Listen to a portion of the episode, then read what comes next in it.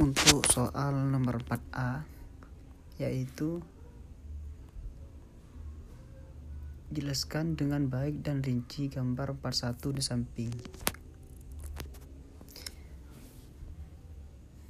Yang pertama, daerah penghasil sumber daya alam panas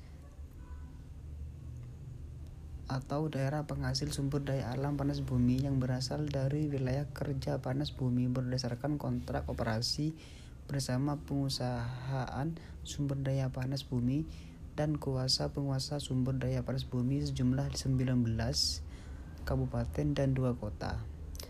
Dan yang yang kedua itu daerah penghasil sumber daya alam panas bumi yang berasal dari izin panas bumi terdiri dari satu iuran tetap sejumlah 49 dua iuran produksi sejumlah 6 kabupaten dan satu kota.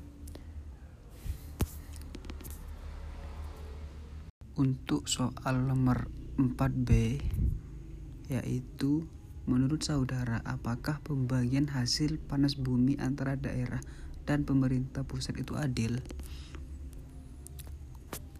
Dan di sini akan dijelaskan bahwasanya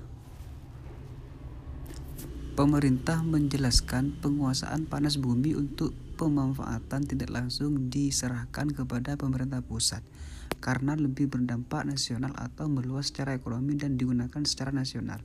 Selain itu, dalam rangka harga listrik yang dihasilkan dari panas bumi lebih kompetitif dan lebih andal sehingga menguntungkan ekonomi secara nasional. Pemberian otonomi kepada daerah adalah salah satu wujud pengakuan negara atas keberadaan daerah-daerah di Indonesia yang beragam untuk mengurus sendiri urusan pemerintah yang diotonomkan.